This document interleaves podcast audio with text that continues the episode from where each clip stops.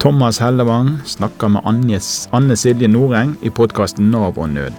Anne Silje ble mobbet på skolen hun gikk på, i Vestre Gausdal i ti år. Og jobba i fem-seks år, og etter det greide ikke Anne Silje å jobbe mer. Saken hennes er blitt omtalt i avis tidligere, og er i dag 100% ufør. Hvorfor vil du fortelle din historie, Anne Silje?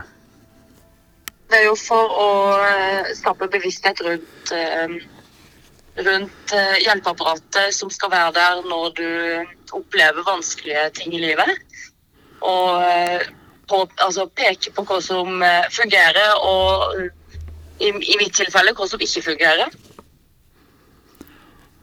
Har du prøvd å komme Saken din var jo omtalt i lokalavis tidligere. Har du prøvd å komme videre i media med saken din? Ikke noe utover det jeg deler på uh, egne plattformer. Uh, f.eks. TikTok og Facebook og Instagram. Men, eh, men eh, jeg ønsker jo å skape bevissthet rundt det her i samfunnet. Det gjør jeg. Du kontakta jo meg i sommer etter jeg snakka om Nav og forsikringsselskap på TikTok i sommer. Hva gjorde at du kontakta meg? Eh, det var litt at jeg følte at jeg hadde møtt Møtt på veggen igjen på nytt. Jeg visste ikke helt hvor jeg skulle snu meg i forhold til det jeg hadde gått gjennom i systemet og sånne ting. Og trengte rett og slett noen som kunne eh, hjelpe meg med å veilede meg videre. Når jeg opplevde at uh, ingen andre hadde noen svar.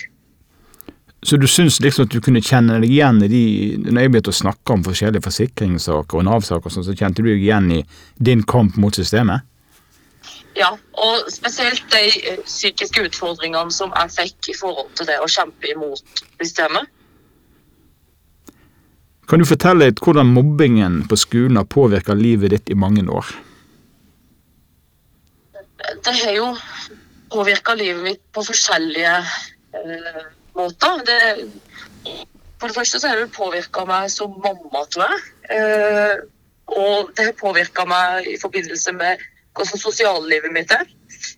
Det har jo gitt meg en del ekstra utfordringer når det kommer til å vite hva jeg har krav på. I forhold til at jeg følte at jeg ble veldig dårlig behandla hele oppveksten min, og godtok kanskje å bli etter hvert dårlig behandla òg.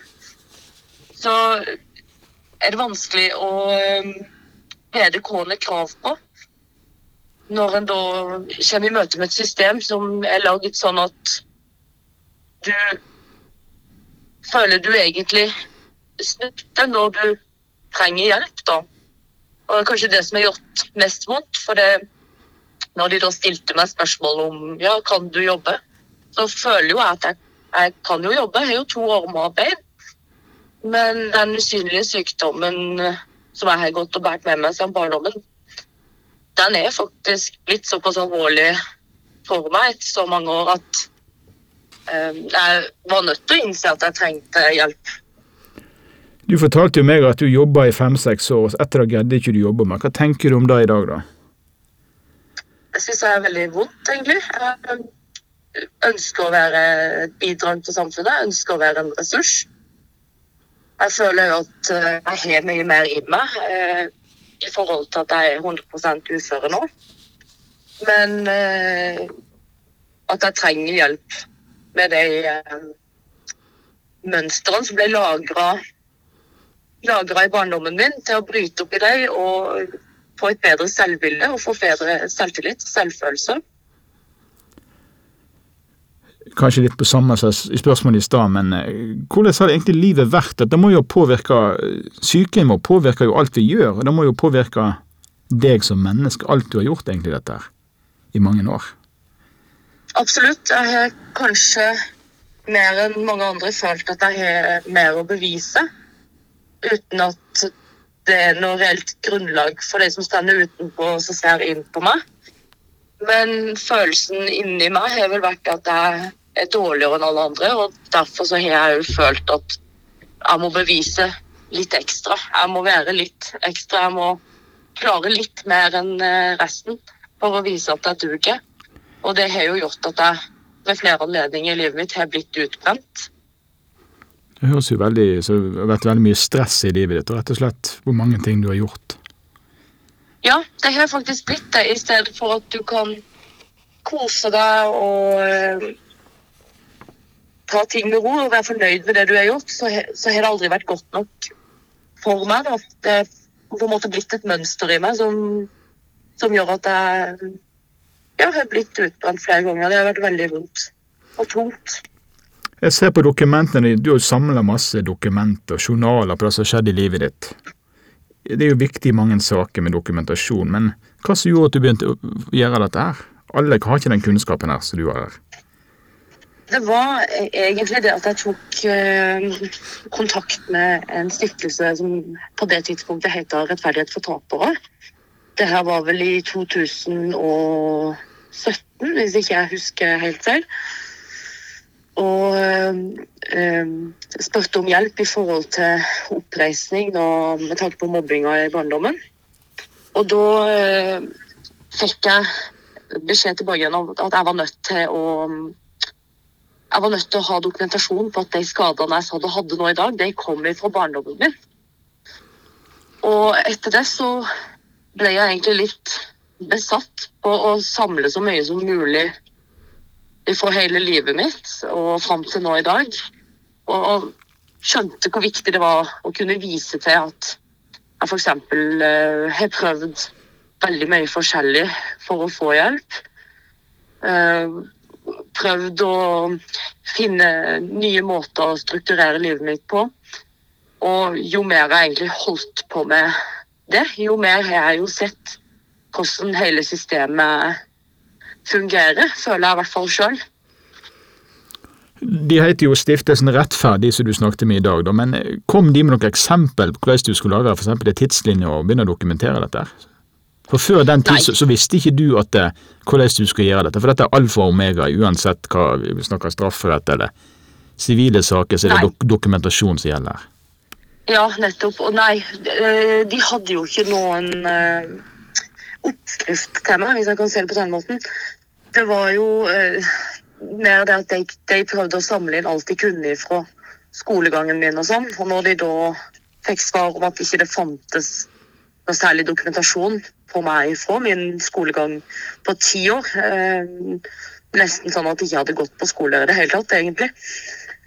Så eh, så var det jo jeg begynte å samle legejournaler, eh, journaler der jeg hadde vært hos psykolog, og det jeg kunne finne ifra, egen, altså ifra min egen oppvekst i skolebøker. Jeg hadde jo skolebøker der jeg hadde skrevet ned ting, og så Altså sånn, Jeg hadde noen sider bakerst i f.eks. bøker der jeg hadde tegna inn ord og sånne ting. da.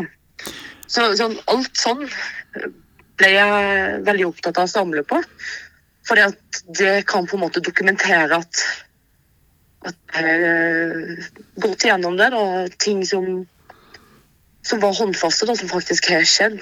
Hvor, mange, hvor mye dokumenter sitter du egentlig på, tror du? Jeg har fem Jeg, jeg tror jeg har ca. fem kasser med forskjellige papirer, dokumenter, bilder og ting jeg har tegna, dikt jeg har skrevet. Ja, ganske mye forskjellig. Så du snakker om, kanskje om tusenvis av sider, da, sannsynligvis. Men så, ja, hvis en setter seg ned og skal telle, så er det nok snakk om det. Ja. De fleste saker jeg kjenner til, er jo fysiske sk- skader i arbeidslivet. Så din sak er jo annerledes, for du ble jo sjuk når du ble mobba i mange år. Men det er jo kanskje Ja. verre for at eh, De kan ikke se på deg at du er sjuk. Er du knekt en arm eller en fot, så er det jo enkelt. Men du kan ikke se på et menneske og ta en psykisk sykdom utenpå å se på mennesker, så det blir jo kanskje verre for deg enn en fysisk skade. Hva tenker du? Altså, sånn smertemessig så kan en jo eh, Kan en jo kanskje sammenligne det. Det gjør vondt å ha en fysisk skade, men det gjør òg vondt å ha en psykisk skade. Men det som er mye vanskeligere, litt som du sier i det spørsmålet, det er jo faktisk å bevise at det psykiske gjør vondt på ordentlig. Så jeg har jo slitt med ting som selvskading. Jeg har jo slitt med, med selvmordstanker. Og det tenker jeg er litt den måten du kan eh, se at folk sliter psykisk. Da. At du trenger et bevis sjøl på at det du føler er smerte. Det er jo flere mennesker i dag som snakker om psykiske lidelser, det er jo mer oppe i tiden. Sant? Men fortsatt så er det jo et tabu å snakke om psykiske sykdom. Har du noen synspunkt på det, for du har jo virkelig opplevd dette her på kroppen?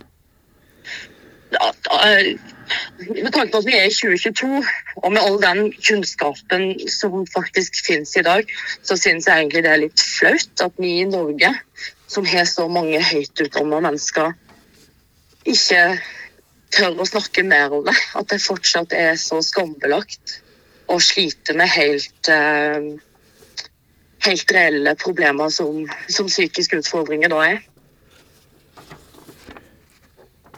Um, du har jo kjempa mot uh, systemet i mange og da tenker vi på Nav helsevesen. Kan du fortelle litt om dine opplevelser med systemet? Veldig vanskelig litt det spørsmålet du sa i stad, veldig vanskelig å uh, bli trudd når det er psykisk og ikke fysisk. Uh, for jeg ser jo rimelig frisk og oppegående ut. Du kan jo ikke Du kan jo ikke se det på meg. Og litt sånn jeg opplever at de fleste leger og sånne ting òg har møtt meg. Du ser så frisk og oppegående ut. Det kan jo ikke være noe i veien med deg, og, og, og sånne ting. Men øh, øh, Hva er det jeg skal si?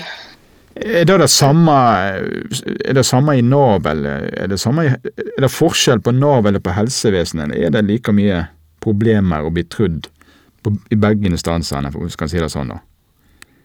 Altså, jeg opplever det jo litt eh, som å gå i, tung, altså, i løsene på begge steder. Det er veldig trått veldig tungt. Du må gå gjennom veldig mange ting for å på en måte bevise at du er i anførselstegn sjuk nok til å få støtte fra Nav. Og hvis du da gjenger til en lege som mener at du er frisk, selv om du sier, sier at du har selvmordstanker eller at du har mista menstruasjon pga. stress, f.eks., så er det ja.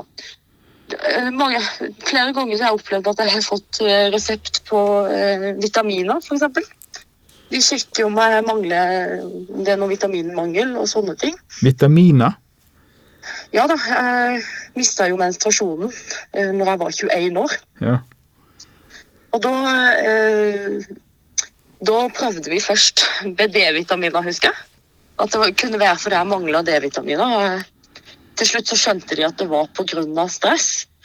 Men de skjønte ikke hvorfor jeg, som så så frisk og oppegående, opplevde så mye stress. Og den veien fram til nå i dag, som er 33 år, den har vært kjempelang, syns jeg. Så, så, du har holdt på med den kampen her i tolv år? Ja, det har jeg. Føler du at du har fått den hjelpen du trengte i helsevesenet? Jeg har jo ikke det ennå. Nå skal jeg jo inn i traumebehandling. Eh, forhåpentligvis etter, etter nyttår. Så den tida jeg kunne brukt når jeg var 21 år, hvis de hadde fanga meg opp tidligere, når jeg sa at jeg hadde blitt mobba i barndommen f.eks., den, den føler jeg på en måte De tolv årene føler jeg har blitt mer sånn at jeg har bare lagra de dårlige um, mønstrene fra barndommen min videre inn i voksen alder. At jeg har integrert de enda bedre i hjernen min og systemet mitt. Hadde jeg begynt når jeg var 21 år med traumebehandling, så, uh, så tror jeg at uh, veien hadde vært kortere fram til at jeg kunne fått en balanse i livet. da. Men spiller det veldig mye en stor rolle? Er det enkeltleger du føler så Noen ser deg, og noen ser deg ikke. Er det sånn, er det sånn du tenker på den veien du har gått på for å si det sånn, gjennom helsesystemet? Eller? Jeg føler det er, ja, jeg føler du skal være ganske heldig for å treffe på noen som eh, som skjønner alvoret. Eh, sånn som ting er nå i dag. Jeg føler det handler litt om å få flest mulig inn og få de ut, av, ut igjen fortest mulig. da. Sånn at, eh, sånn at en har tid til å til å få tatt alle som en har på lista si den dagen, f.eks. Jeg føler at fast, altså, Det er ikke nødvendigvis fastlegene sin skyld heller, men det presset som de òg blir utsatt for. Og de gjør på en måte at det arbeidet som blir gjort, det blir dårligere. At det blir altfor mye, altfor stor belastning og for altfor mange folk skal gjennom på kortest mulig tid. Det er sånn du tenker? Ja, litt sånn jeg tenker, ja. Ja. Er du ferdig utreda, og har du fått en diagnose? Nei, Jeg er ikke ferdig utredet ennå. Jeg har hatt mange diagnoser på denne veien her. Men øh, den diagnosen øh, som jeg kanskje har fått nå, det er jo en kompleks PTSD-diagnose. Det er jo en diagnose som du øh, ikke kan få i voksen alder. Det er noe du, det er noe du får i barndommen din. Så det har tatt veldig lang tid å få, eh, få konkrete svar, og jeg venter jo fortsatt på å få det på et papir.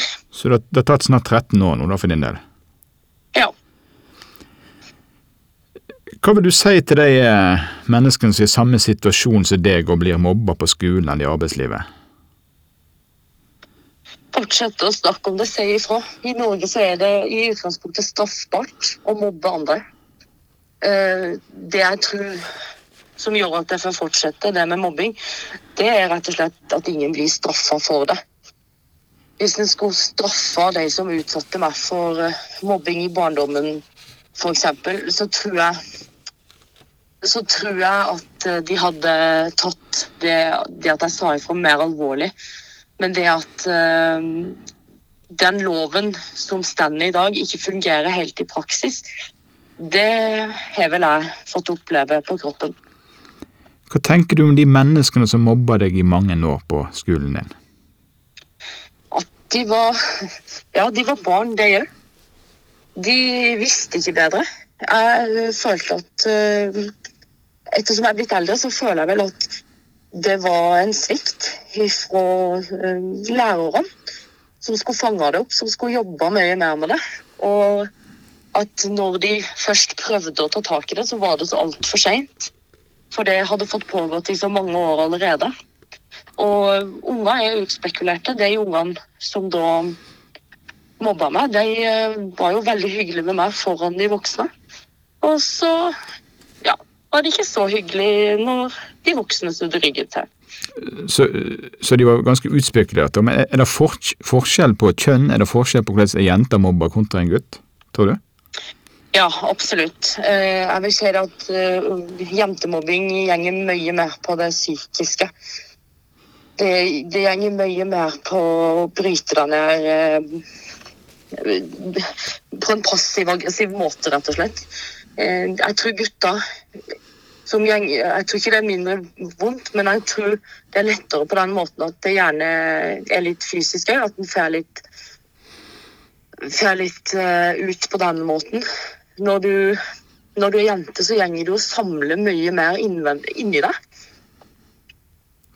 Du er jo fortsatt ei ung dame. Har du noen tanker om framtida, livet ditt? Du, er jo, du har mange mange år igjen i livet. Hva tenker du om livet ditt, Anne Silje? Jeg håper jo at jeg får traumebehandling så fort som mulig nå. Og at jeg kan etter ja, fire til seks år som traumebehandling jeg da, kan begynne å leve et mer normalt liv, et mer balansert liv.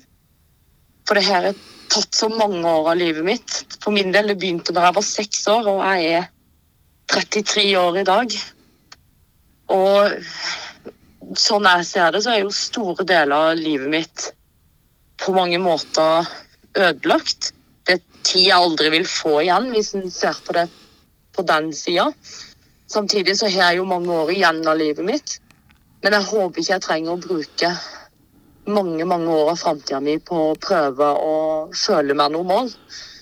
At jeg nå kan få den, eh, den hjelpa jeg trenger for å så fort som mulig stable meg på beina. Jeg har jo lyst til å jobbe igjen, f.eks. Jeg har jo lyst til å hjelpe andre som har opplevd lignende ting, da, og, og støtte dem gjennom deres prosess, hvis jeg kan få en mulighet til det.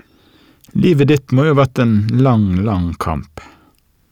Så Det føles sånn. jeg tror ikke det er lett å forestille oss alle utfordringer du har hatt i livet når jeg hører på deg nå, som du har hatt i så mange år. Mm.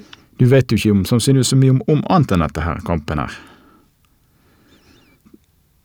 Men jeg, jeg, jeg, ser, jeg ser jo på Ja, jeg eh, Nei, jeg tenker jo at dette, dette er jo ganske Det er jo helt vilt, egentlig, dette greiene her.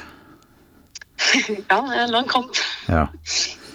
Men hva som holder det gående, da? Hva, hva er drivkraften din for å holde dette gående? Jeg tror ikke alle mennesker greier å holde det gående så lenge som du har gjort. Med de utfordringer du har med helsa di. Nei, mange faller nok utenfor. Mange, mange ser nok så store problemer og utfordringer med dypt forankra mønster i hjernen sin at de aldri kommer seg helt på beina, tror jeg. Men det som holder meg gående, er jo dattera mi. Og eh, at jeg ønsker ikke Jeg ønsker ikke at de begrensningene jeg har fått, skal videreføres til henne. Eh, og jeg ønsker å være, der det er for henne. Og jeg ønsker ikke heller å leve i fortida, sånn som jeg òg føler mange ganger at jeg har gjort. Så, sånn, og så har jeg det at jeg ønsker å hjelpe andre. Jeg ønsker å bevisstgjøre andre rundt det her. Fortelle dem hvor viktig det er at vi faktisk tar vare på hverandre i, fra ung alder av.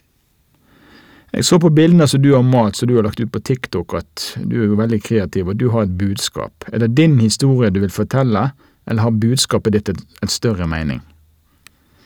Det er jo begge deler. Det er jo, eh, det er jo fordi jeg føler mange ganger at kunst kan være en, en lettere måte å uttrykke følelser på, men det kan òg være en lettere måte for andre å kjenne igjen ting i seg sjøl. Det, det er ikke sikkert vi opplever det samme, men øh, Men det at øh, men, men det at vi kan se på et bilde og føle noe, det tror jeg kan være et godt utgangspunkt for, øh, for samtaler og drøfting. Altså at vi kan drøfte ting da, på en annen måte. Er det noe mer du vil legge til i podkasten, Anne Silje, før vi gir oss? Dette har vært en interessant samtale. Men er det noe vi har glemt, tenker du, som må komme med her nå før vi Før vi avslutter? Nei, jeg kommer ikke på noe. Jeg syns det var gøy at jeg fikk lov til å være med. Jeg vil si Tusen hjertelig takk for at du ville dele din historie med oss. Det er ikke alle mennesker som vil snakke ut, sånn som du har gjort i dag. Og jeg håper at dette får ringvirkninger for andre mennesker som er i tilsvarende situasjon som deg, Anne Silje. Ja, det håper jeg òg. Tusen takk. Ha det bra. Podkasten ble laga av Thomas Hellevang og Anne Silje Noreng, og han blir produsert av Glenn André Tvedt. Ha en fin dag.